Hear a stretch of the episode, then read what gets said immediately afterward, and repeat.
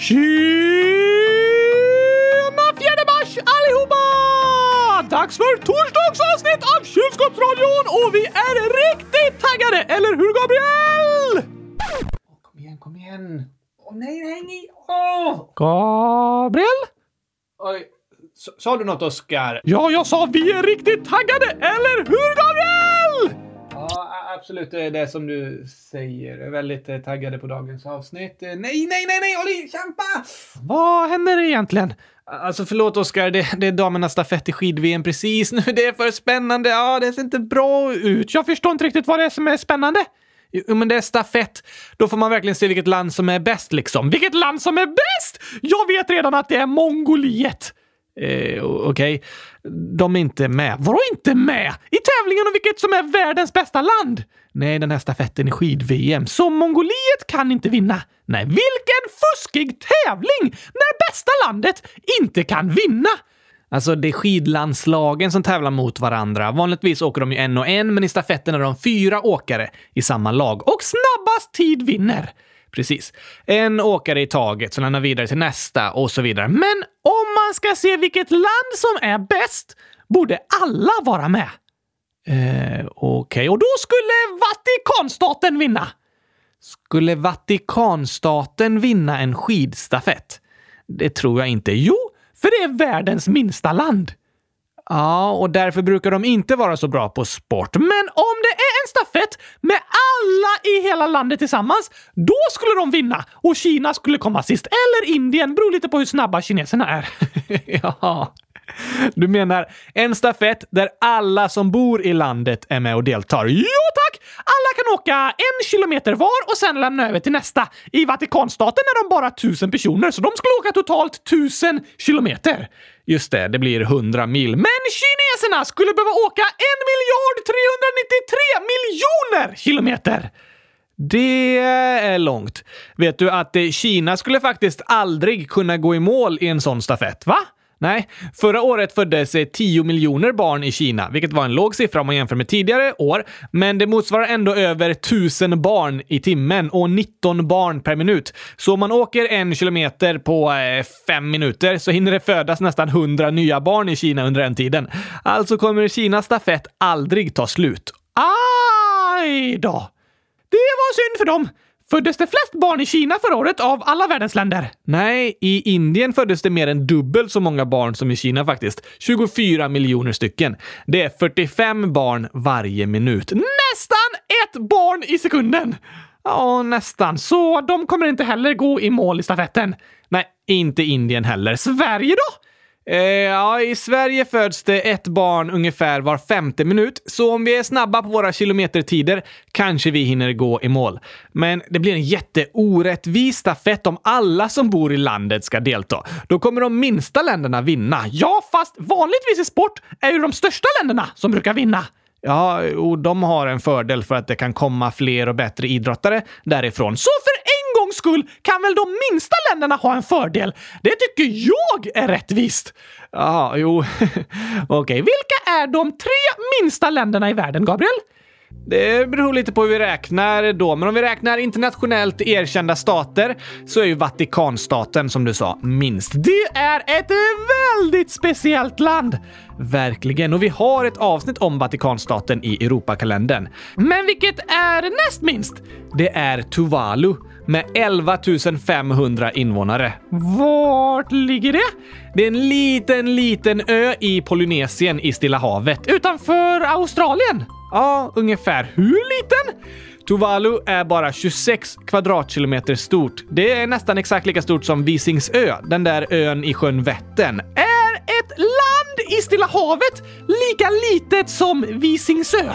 Ja, och där bor det 11 500 invånare, så det är väldigt tätbefolkat faktiskt. Men det är ett helt otroligt ställe. En avlång, smal ö som eh, går nästan som ett V och sen finns det några små öar till i anslutningen till den stora ön. Det finns en flygplats på den största ön, men det är precis att det får plats en landningsbana på det bredaste stället. Så smal är ön. Så landningsbanan går från kant till kant ut med ön liksom. Oj då! Ligger Tuvalu nära någon större ö? Nej, det finns flera andra små öar i närheten, men det är fortfarande långt dit. Och till de större öarna, dit är det riktigt långt. 100 mil till Fiji, som ju också är ett ganska litet land, men i alla fall större än Tuvalu. Hur långt är det till Australien? Över 300 mil. Wow! Tuvalu förtjänar att få komma tvåa i skidstafetten mellan alla världens länder. Ja, det kanske de förtjänar att få göra. Men det är inte helt säkert. För 160 mil från Tuvalu ligger världens tredje minsta land, Nauru. Hur många bor det där då? 12 700. Så det kan bli ganska jämnt. Men jag tror på Tuvalu! Ja, i stafetten mellan världens länder där alla invånare deltar, då kommer nog Vatikanstaten först, Tuvalu tvåa och Nauru trea. Är Nauru också en ö? Ja, och till ytan ännu mindre än Tuvalu faktiskt. Bara 21 kvadratkilometer. Men Nauru är mer som en cirkel, liksom. Inte så avlång som Tuvalu. Vet du, jag tycker vi har en bild på Tuvalu som dagens avsnittsbild, för det är en riktigt häftig ö. Det låter bra! Tillsammans med en eh, silvermedalj från skid-VM. Ja, eh, de kommer inte ta silver i den riktiga stafetten. Där är det fyra åkare från varje land så att det blir jämnt och rättvist. Och ingen från Tuvalu! Nej, det tycker jag är orättvist! Ja, jo, det kan man tycka. Men kan du berätta lite fun facts om Tuvalu innan vi sätter på gurkagängen? Ja, visst.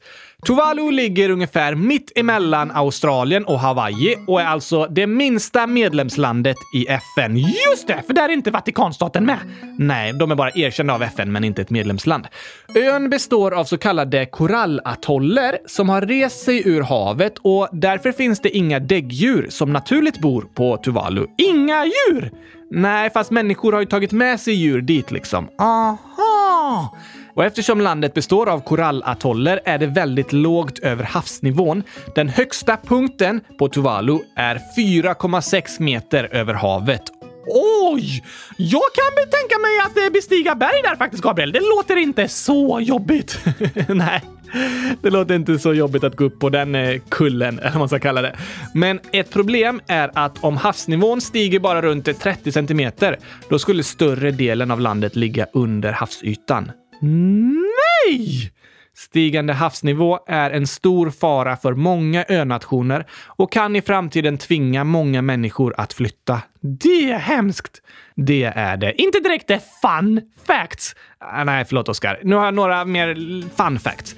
Tuvalu har världens mest öppna visumpolitik. Eh, jättefun facts. Eh, alltså menar du att man släpps in om man åker dit? Ja, precis. Vem som helst från vilket land som helst får åka dit och beviljas ett visum på plats när de landar. Aha! Är det många som gör det?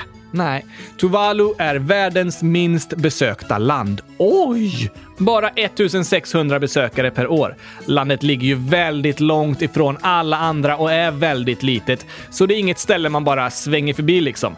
Dessutom är det inte helt lätt att besöka. Det är dyrt att flyga dit och sen så går det inte att eh, betala med kort i Tuvalu, så allt betalas med kontanter. Ja, men det finns inga uttagsautomater. What? Lite krångligt. Så åker man dit behöver man ha med sig de pengar man kommer använda. Annars får man krångla med att skicka pengar till banken i Tuvalu och hämta ut dem där och så. Oj då. Inte helt enkelt att besöka. Nej, inte direkt. Men ett väldigt häftigt ställe. Och eftersom det är ett så litet land är det som att alla känner alla och de är ett folk som bryr sig mycket om varandra och lever nästan som en stor familj. Det låter fint! Verkligen. Så det var lite fun facts om Tuvalu. Världens näst minsta land! Ja, om man räknar Vatikanstaten som ett land. Det är ju annorlunda för Vatikanstaten eftersom det ligger inne i staden Rom. Tuvalu är en egen ö långt från alla andra, så på det sättet kan man verkligen kalla Tuvalu för världens minsta land. Grattis till silvermedaljen i stafett! Eh, grattis! Tyvärr kan vi inte säga grattis till Sverige idag. Det var ju lite synd. Vi, vi, vi tänker på den där stafetten mellan världens länder istället. Men där tog ju inte heller Sverige medalj. Det, det, har du rätt i. Uh, vi kan sätta på gurkringen istället! Ja, jättegärna. Så tänker vi inte något mer på stafetterna nu. Nej tack! Här kommer gurkagängen!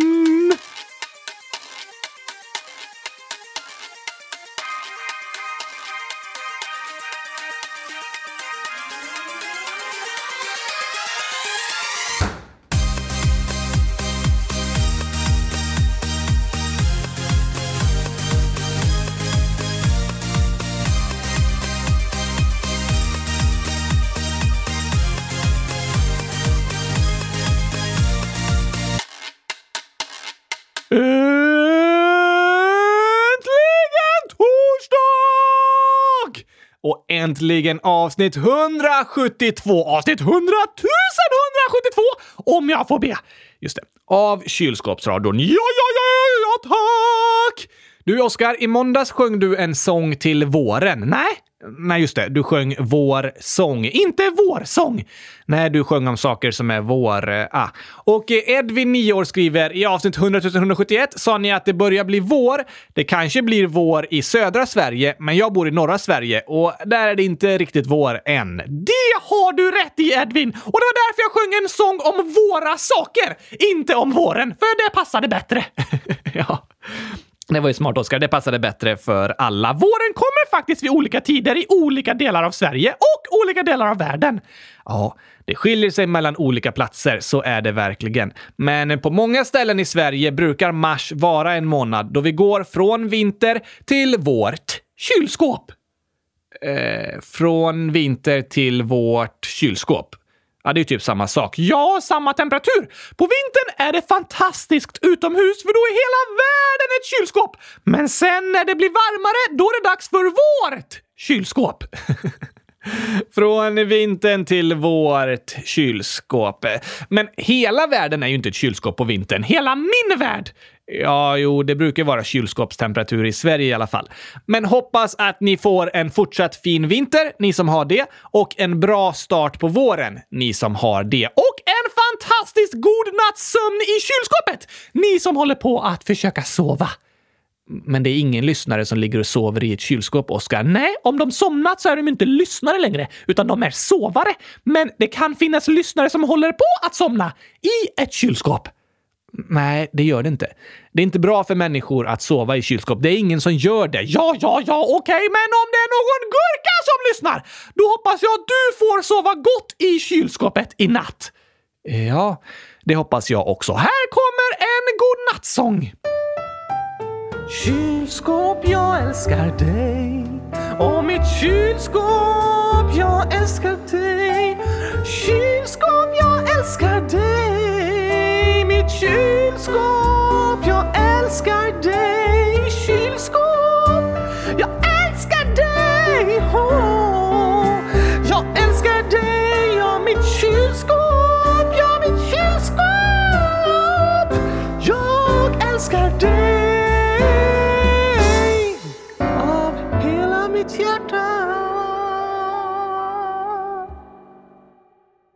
Ska alla somna nu, tänker du? Bara gurkorna?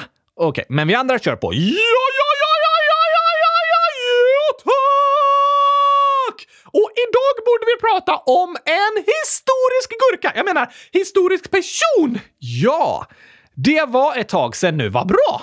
Är det bra? Det ska ju vara länge sedan, då blir det historiskt. ja, det är sant. Kan vi prata om någon som levde för jättelänge sedan? Okej, hur länge sedan tänker du då? Typ eh, 500-600 år sedan? Oj, ja, det är länge sedan. Vi ska se, vi kanske kan ta något av förslagen ur frågelådan. Hmm, nu ska vi kolla. Ehm, um, ba, ba, ba. Här! Bullen, 9 år. Kan ni prata om Jeanne d'Arc eller Kleopatra? Jag älskar historia och samma sak med eran podd. Det var bra förslag! Eller hur? Jättebra förslag. Jag tänker att vi kan lära oss lite om Jeanne d'Arc idag. Hör det ihop med Noahs ark?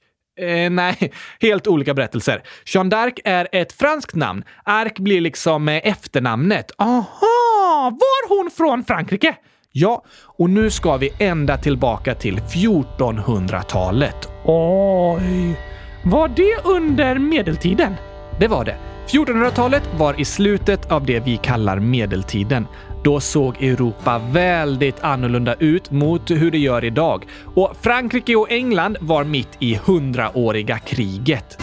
Ett hundra år långt krig! Ja, det låter helt otroligt. Visst gör det. Men under hela Europas historia har det pågått väldigt mycket krig. Nästan hela tiden har det pågått krig någonstans mellan länder, ofta de som gränsar till varandra. Vad har de slagits om egentligen? Särskilt över olika landområden för att göra sitt land större. Varför det? Jo, men eh, ofta handlar det om att eh, ens land ska bli rikare och få det bättre, att man ska få mer makt. Och därför har det ofta slagits mycket om eh, viktiga hamnstäder eftersom skepp skeppen och handeln utgår från dem och så man tjänar mycket pengar där och andra områden med mycket naturresurser och så vidare. Det har varit krig fram och tillbaka under flera hundra år mellan Frankrike och England och många krig mellan Nederländerna och Spanien, Tyskland, Österrike, Sverige och Danmark och så vidare. I nästan alla europeiska länder har det varit jättemycket krig mellan länder, men även inom länder om vilka som ska bestämma. Men inte längre. Nej, för oss som är födda från 1990-talet och så vidare efter Berlinmurens fall så känns det helt naturligt med ett Europa som är i fred. Där länder försöker samarbeta med varandra istället för att kriga mot varandra. Alla förlorar på krig. Ja, så är det. Även det land som kallas vinnare i ett krig har ju förlorat jättemycket människor och pengar i det kriget. Så man kan säga att alla är förlorare, medan samarbeten mellan länder gör att alla kan tjäna på det om man hjälper varandra. Det låter bättre! Eller hur?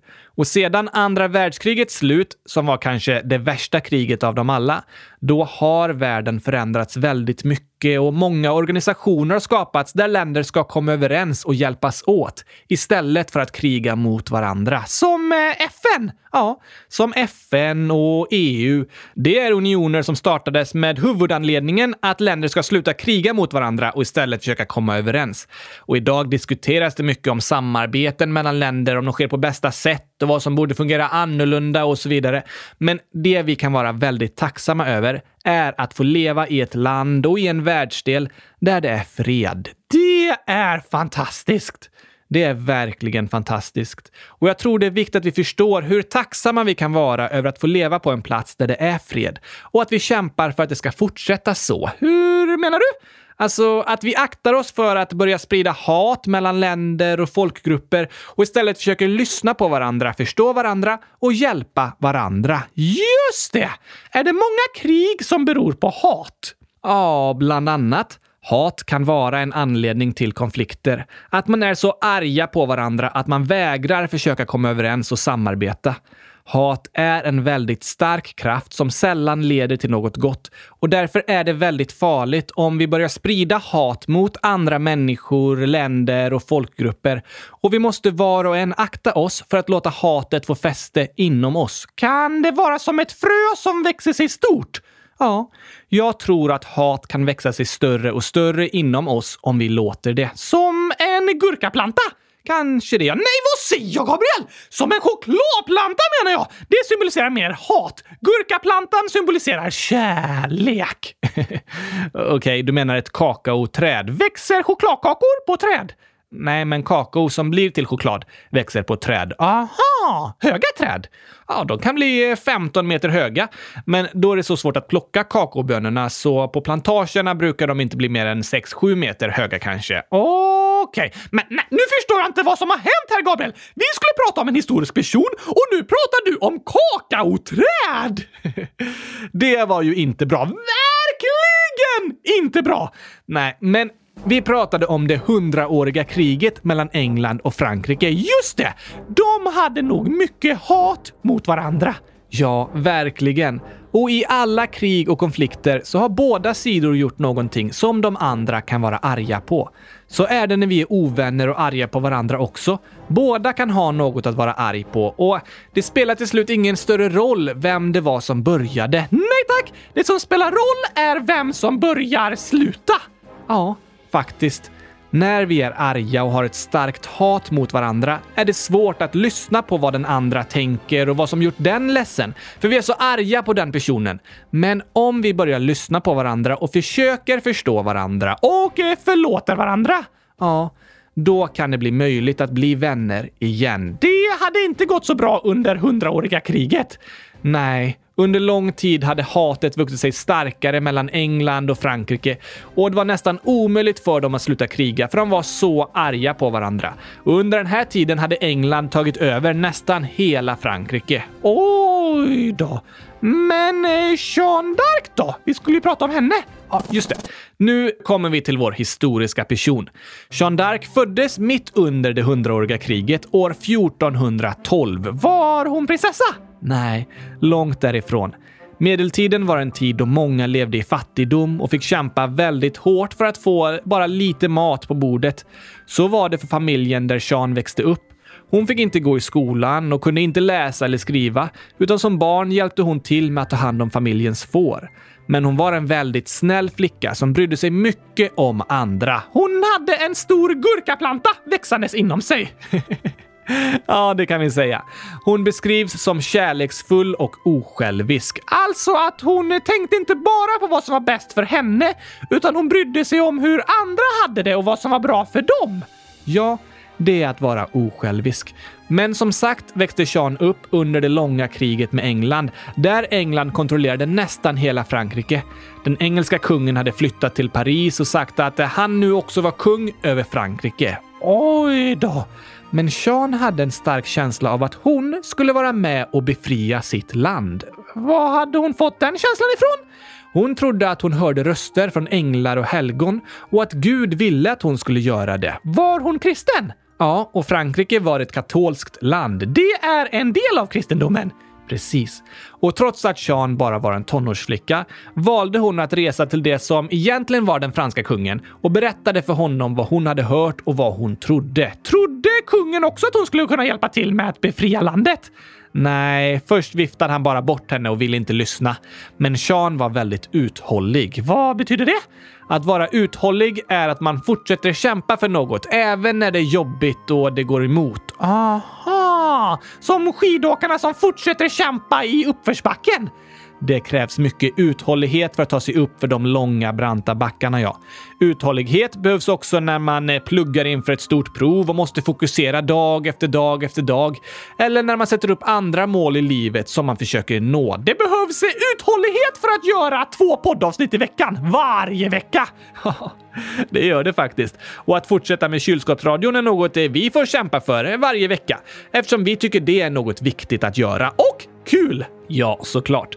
Och Sean fortsatte berätta för kungen om vad hon hade hört och hennes tro på att hon skulle vara med och befria landet. Och till slut lyssnade kungen på henne och lät henne gå ut i strid. Hon tog på sig en röstning, fick en häst att rida på och tog med sig en stor fana. Vad är det för något?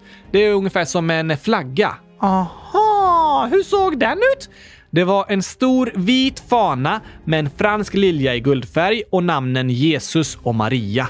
Och när de andra soldaterna såg Sean komma med sin stora fana, då fylldes de av hopp. Varför det? För att de hade hört om den unga tjejen som trodde på att de skulle kunna bli ett fritt land igen. Ah!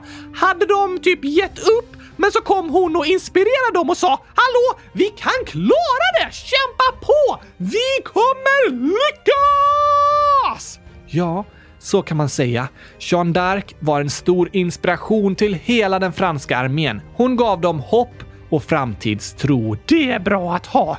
Hopp är en väldigt viktig och stark känsla. Om man tror att saker kan bli bättre, då kan man kämpa ännu hårdare för att det ska bli det. Och när den franska armén nästan hade gett upp, då kom Jean med hopp. Och när hon var där med sin fana, då började de vinna igen. Engelsmännen drevs bort så långt att den franska kungen kunde krönas i staden Reims, som ligger utanför Paris. Åkte hon hem igen sen då? Nej, kungen övertalade henne att fortsätta leda armén och hjälpa dem ta tillbaka Paris från engelsmännen. Vid den här tiden kände många till henne och hon spred hopp och ingöt mod hos fransmännen. Gjorde hon så att andra blev modigare? Ja, hennes mod inspirerade andra så de också blev modigare. Ah, fastän hon bara var tonåring? Ja, Trots att hon bara var tonåring och en kvinna som sällan fick vara med i krigen på den här tiden så blev hon den som ledde Frankrikes armé och befriade landet. Det var häftigt! Vad hände sen? År 1430 blev hon tillfångatagen av några som hette burgunderna och de sålde henne sedan till engelsmännen som dömde henne till döden för häxkonster och trolldom. Och hon brändes på bål och dog när hon var bara 19 år gammal. Va? Ja. Under den här tiden så var det vanligt att särskilt oskyldiga kvinnor anklagades felaktigt för häxkonst och trolldom och dömdes till att brännas på bål. Det är superhemskt! Det är väldigt, väldigt hemskt. Jeanne d'Arc anklagades falskt i en eh, slags kyrklig rättegång för att de sa att hon hade gått emot den rätta läran. Vad anklagades hon för då? Bland annat för att ha burit manskläder. Va? Nej, det finns väl inte särskilda kläder för män och kvinnor och sånt som man inte får ha på sig? Nej, alla ska såklart ha rätt att ha vilka kläder de vill. Men på den här tiden så användes kläderna som ett argument för att döma Jeanne d'Arc till döden. Och det lär oss om hur viktigt det är med en rättvis domstol. Menar du att eh, de försökte hitta på anledningar till att döma henne till döden? Ja, så var det i alla domstolar där kvinnor anklagades för häxkonst. Domarna hade liksom redan bestämt sig för att de var skyldiga och hittade bara på argument för varför de skulle dömas till döden. Inte okej! Okay. Nej. En rättfärdig domstol är bland det viktigaste som finns i en demokrati där alla människor är lika mycket värda. Att de som dömer inte ska ha bestämt sig i förväg om vad de tycker eller tror om personen som är anklagad, utan att allt måste bevisas så att ingen oskyldig döms. Och detta är lättare sagt än gjort, för våra fördomar påverkar vad vi tror om människor. Och det är tyvärr vanligt att personer får olika hårda straff beroende på hur de ser ut och var de kommer ifrån. Oj då! Så att kämpa för rättvisa domstolar och att alla behandlas lika oavsett hudfärg och bakgrund, det är verkligen viktigt. Men eh, trodde de som bodde i Frankrike på att Jeanne d'Arc var en häxa? Nej, de visste att hon var deras hjälte. Och den franska kungen kontaktade påven, alltså katolska kyrkans ledare, och några år senare sa påven att domen mot Jeanne d'Arc var felaktig. Kyrkan hade missbrukat sin makt. Det var ju bra att han sa det, men det kom lite för sent för Jeanne d'Arc. Ja, tyvärr gjorde det det. Men hennes historia har fortsatt inspirera människor under flera hundra år. Och år 1920, på årsdagen av hennes död, då helgon förklarades hon. Helgon? På, på helgen? Nej, alltså särskilt inom katolska kyrkan är det vanligt med olika helgon. Det är personer som gjort något väldigt bra och viktigt, till exempel som Jeanne d'Arc, som dessutom kallas en martyr. Martyr? Det är någon som dör för sin tro. Aha! Och Jeanne d'Arc blev mördad för att hon stod upp för det hon trodde på? Ja, och ses därför som en martyr. Och så blev hon helgonförklarad. Och man kan liksom bli ett helgon för en särskild grupp människor. Och Jeanne d'Arc är idag nationalhelgon för hela Frankrike och skyddshelgon för alla soldater. Wow! En tonårig tjej som blev nationalhelgon för ett helt land. Visst är det häftigt. Och hon avbildas ofta på bilder med den vita fanan. Det var med den hon spred hopp och ingöt mod i den franska armén så att landet kunde befrias. Och än idag inspirerar berättelsen om Jeanne d'Arc människor över hela jorden. Det är en otrolig berättelse. Jag håller med. Och från otroligt till väldigt roligt. Här kommer dagens skämt!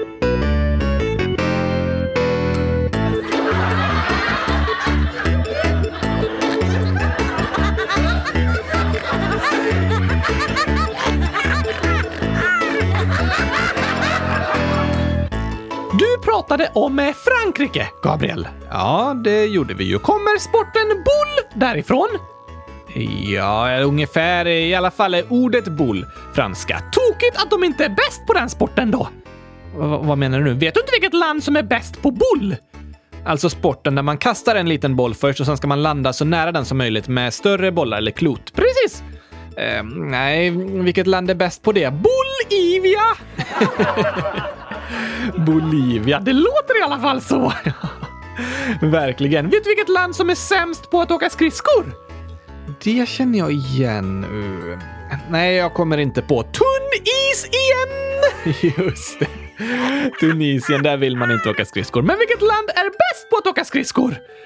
Oh, Säger du Island såklart?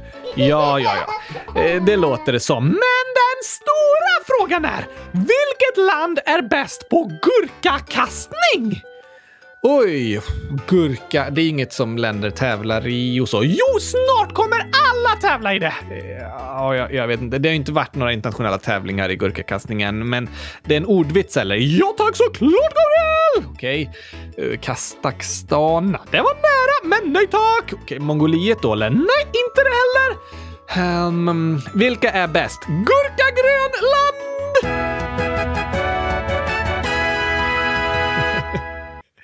Inte gurkagrön. All grön är gurkagrön.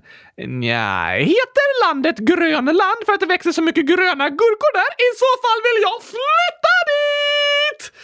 Det gör det inte, Oskar. 80% av Grönland är täckt av is. Grön is? Gurka-isglas? Nej, vit is. Varför heter det då Grönland? Väldigt bra fråga faktiskt. Jag tror i alla fall de är bra på gurkakastning, för när de kastar gurkan så glider den på isen så då kommer den jättelångt!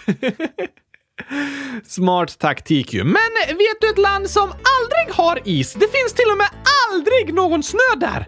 Aldrig någon snö? Ja, kanske ett land eh, någonstans i närheten av ekvatorn? Nej tack, det här ligger inte så långt ifrån Sverige. Va? Men om det är något land i närheten så kan det ju snöa. Ja, det kan snöa, men det finns aldrig någon snö. Nu förstår jag inte riktigt. Det kan snöa, men i vilket land finns det aldrig någon snö? Skottland! Det kan snöa mycket i Skottland. Ja, men det finns aldrig någon snö. Varför inte det? Över fem miljoner skottar! Ja. De som bor där kallas skottar och det låter som de skottar. Verkligen, då finns det ingen snö kvar. Tokigt. Men eh, vet du varför alla skrattade när det snöade i Paris? Ja, ja, det är inte så vanligt. I alla fall inte att det snöar mycket, men eh, Fattade de inte? Nej, varför gjorde de det? För att det var vitt sen! det var vitt sen. Kul vits! Ja, och det var ju vitt sen efter snön. Eh, roliga landskämt idag, Oskar. Tack så mycket! I vilket land nyser man hela tiden? Oj, ett till. Hmm. Atjoe, nu pros... Nej, eh, vart nyser man? I! Pol Polen menar du? Har du varit där? Ja, jag har varit i Polen. Okej, okay, men den stora frågan är om du har Vatikanstaten. om jag varit i Karlstad. Det har jag inte, men det låter som ett spännande land att besöka. Världens minsta land! Vinnare av den riktiga skidstafetten! Nej, inte den riktiga skidstafetten, men eh, ja, om alla invånare i ett land hade varit med i samma stafett, då hade Vatikanstaten vunnit, för där bor det inte så många. Det var kul med lite landskämt och geografiska skämt idag, Oskar. Lite landspecial trots allt idag, fastän det inte var tid för det. Ja tack! Nej, alltid skoj att prata om lite länder, särskilt de små och speciella. Ja, det är alltid lite roligt. Men kommer du ihåg det vi pratade om med hat och att hatet kan växa sig starkare inom män och att man blir argare och argare på varandra så till slut är det omöjligt att bli vänner igen för båda har gjort så dumma saker? Precis. Då kommer man till en punkt då det inte spelar roll vem som började, utan det som spelar roll är vem som börjar sluta. Ja, vem som väljer att försöka lyssna på den andra och försöka förstå hur den känner och sen väljer att förlåta. Ska man bli vänner efter att ha bråkat brukar båda behöva be om förlåtelse. Så är det. För när man är arg är det lätt att man gör sånt man egentligen inte menar eller vill och då kan man ha mycket att be om förlåtelse för, så man kan förlåta varandra. Och vi har faktiskt ett litet skämt om det. Eh, det är Alva, 9 år, som skriver “Finns Sydkorea med?” “Jo tack, det finns med i omröstningen!” Det gör det. Alva hälsar “Jag är kvartskorean.” Wow! Sen skriver hon “Vilket djur säger förlåt oftast?” Hmm. Förlåt? Eh, någon som sjunger en låt före?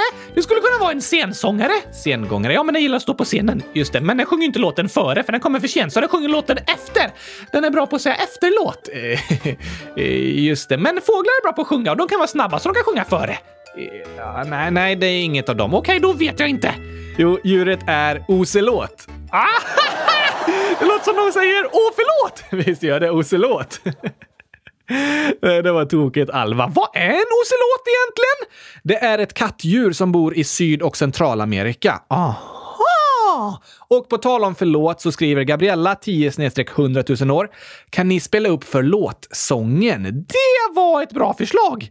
Det var det verkligen. Den handlar ju lite om det vi har pratat om idag, så här kommer den.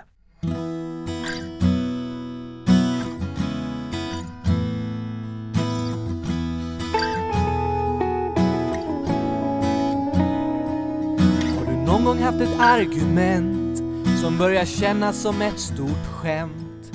Du minns inte ens vad ni slåss om eller hur bråket någon gång uppkom. Men ändå är det svårt att sluta. Man fortsätter tillbaka skjuta. Men vill ni någonsin vara vänner igen måste ni öppna ögonen. Det är som att tända ett ljus i världens mörkaste hus. Allt gammalt glöms bort. Nu är det dags för något gott. Världens viktigaste ord kan skapa fred på vår jord.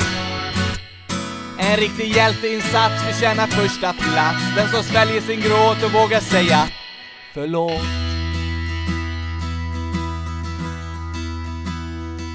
Det var ju hon som gjorde fel. Ah, det var inte jag som började. Ja, kanske fuskar den andra på spel. Men det slutar med att båda får sörja. Så kan det vara. För alla gör vi dumma saker. Av olika orsaker. Men viktigast är vad som händer efteråt. Att vi ångrar vad vi gjort och vågar säga förlåt. förlåt. Det är som att tända ett ljus i världens mörkaste hus. Allt gammalt glöms bort. Nu är det dags för något gott. Världens viktigaste ord Alla förtjänar en kan skapa fred på vår jord. Hela jorden. En riktig hjälteinsats förtjänar första plats. Den som sväljer sin gråt och vågar säga Kylskåp. Äh, äh, vänta lite. För, förlåt! Ett litet ord med bara sex bokstäver. Som skiner igenom i alla väder. Är det något ord du ska lära dig säga? Är det ordet förlåt för det får mörkret väja? Men ändå kan det ordet vara svårt att få fram. Ja, man vill inte erkänna man känner skam. Men ta de ordet till dig Förtjänar en medalj! och våga säga det ordet som får mörkret på fall. Det är som att tända ett ljus. Det är som att tända ett ljus i världens mörkaste hus. Allt gammalt glöms bort. Nu är det dags för något gott. Världens viktigaste ord kan skapa fred på vår jord. En riktig hjälteinsats förtjänar första plats. Den som sväljer sin gråt och vågar säga Det är som att tända ett ljus i världens mörkaste hus. Allt gammalt glöms bort. Nu är det dags för något gott. Världens viktigaste ord. Det kan skapa fred på vår jord. En riktig hjälteinsats förtjänar första plats. Den som sväljer sin gråt och vågar säga En riktig hjälteinsats förtjänar första plats. Den som sväljer sin gråt och vågar säga Förlåt. Snyggt sjunget, Gabriel! Tack detsamma, Oskar. Och det säger vi till alla barn från Alliansmissionens årskonferens som var med och sjöng på sista refrängen. Kanske någon av er lyssnar på podden? Kanske det. Tack att ni var med. Men idag har vi pratat lite om Jeanne d'Arc. Och vad kan vi lära oss av den berättelsen? Att det var krig i hundra år. Ja, det är helt otroligt. Och så kan vi lära oss eh, att ingen är för liten för att göra skillnad. Det har du rätt i. Ibland kan man se ner på sig själv på grund av sin ålder och ofta kan man känna att vuxna ser ner på en för att man är för liten. Men berättelsen om Jeanne d'Arc lär oss att ingen är för ung för att vara med och påverka. Jeanne d'Arc var en tonårstjej som fick ge mod och hopp till alla de vuxna soldaterna. Ja, tack! Det var häftigt! Sen kan vi lära oss att... Mm, det är viktigt att tro på något. Just det. Jeanne d'Arc hade en stark tro. Och det kan vara en tro på Gud som hjälper och ger en styrka. Men även om man inte tror på en gud kan man finna hopp i tron på det som är gott. Det är sant! Och så kan vi lära oss att eh, det är viktigt att ha hopp och tro på framtiden. För det gör att man kan klara det. Det håller jag med om. Den franska armén hade nästan gett upp, men det kanske viktigaste Jeanne d'Arc gjorde var att hon gav dem hopp igen. Och hon har faktiskt sagt alla strider vinns eller förloras först i vår hjärna. Alltså att eh, om man ger upp och inte tror att det kommer gå, då kommer det inte gå. Nej, precis. Men om man har ett hopp och tro på att det ska lyckas, då är det större chans att lyckas. Vad vi tänker och hur vi ser på oss själva är väldigt viktigt. Och jag hoppas att alla lyssnare tänker att ni är bäst i test! För det är ni verkligen. Ja, du som lyssnar är verkligen bra. Du har vissa unika gåvor och en alldeles speciell personlighet. Du är inte likadan som någon annan, men du är helt perfekt så som du är. Och det hoppas jag att du ska känna. Ja, ja, ja, ja, ja, tack! Sean Dark lär oss också att eh, vara modiga. Just det. Att vara modig kan handla om att våga utmana sig själv och göra sånt som man tidigare inte trodde att man skulle våga. Det är lite jobbigt, men efteråt känns det ofta väldigt bra. Ja, vissa saker kan vi vara nervösa och lite rädda inför, men när vi väl har tagit steget och vågat göra det, då känns det ofta väldigt bra efteråt. Som att eh, våga testa gurkaglass! När ni har gjort det, då kommer ni inse att det är det godaste som finns! Samla mod, våga testa! Ni kommer inte ångra er! Vissa behöver nog lite mod för att testa gurkaglass faktiskt. Det, det låter ju inte så... Det är, det är faktiskt godare än det låter. Det kan jag hålla med om, Oskar. Men något mer du tänker på från eh, den historiska berättelsen? Hmm. Eh, det finns jättemycket att lära sig från eh, Jeanne d'Arc. Visst gör det. Och det har skrivits massor av böcker om henne där hon får vara en inspiration till människor i tro, ledarskap, hopp och motivation och så vidare. Och så lär berättelsen oss om att eh, det är viktigt med en rättvis domstol. Väldigt sant. En domstol som har bestämt sig på förhand är inte rättvis. Då kan till och med hjältar som Jean d'Arc dömas på grund av en nästan påhittad anledning. Liknande domstolar ser vi idag i diktaturer där politiska motståndare sätts i fängelse av jättekonstiga anledningar. Det är inte rättvist. Nej tack! Så att stå upp för att alla ska behandlas lika i en domstol, oavsett hur de ser ut, vilket kön de tillhör eller var de kommer ifrån, det är att stå upp för alla människors lika värde. Jag håller med! Det var en spännande berättelse. Visst var det. Kanske att ni som lyssnar kommer få höra fler historier om Jeanne d'Arc i skolan eller på andra platser. Det finns jättemycket mer att säga än det vi har berättat idag, men vi hoppas ni tyckte det var spännande och eh, intressant. Det tyckte i alla fall jag! Vad bra. Nu har vi inte hunnit ta så många frågor och viktiga inlägg idag, Oskar. Nej tack! Det måste vi göra mer på måndag.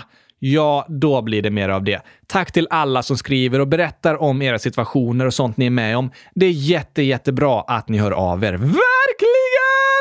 Men vi ska skicka en hälsning till Mr Anonym, 9 gånger 10 uppe till 20 år. Jag fyller år den 7 mars. Kan ni gratta mig? Ja, ja, ja, ja, ja, ja, ja,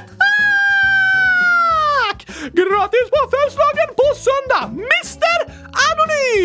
Hoppas du får en superduper bra födelsedag när du fyller 900 triljoner år. Just det. Ha det bäst och en stor gurkafest! Det önskar vi dig och hoppas att ni alla lyssnare får en superbra helg. Vi hörs såklart igen på måndag. Ja tack! Jag längtar redan. Jag också. Men eh, det är bara några dagar, Oskar. Jag tror jag kan hålla mig. Hoppas på det. Tack för idag, alla älskade lyssnare. Tack och hej! Gurkapastej! Hej då!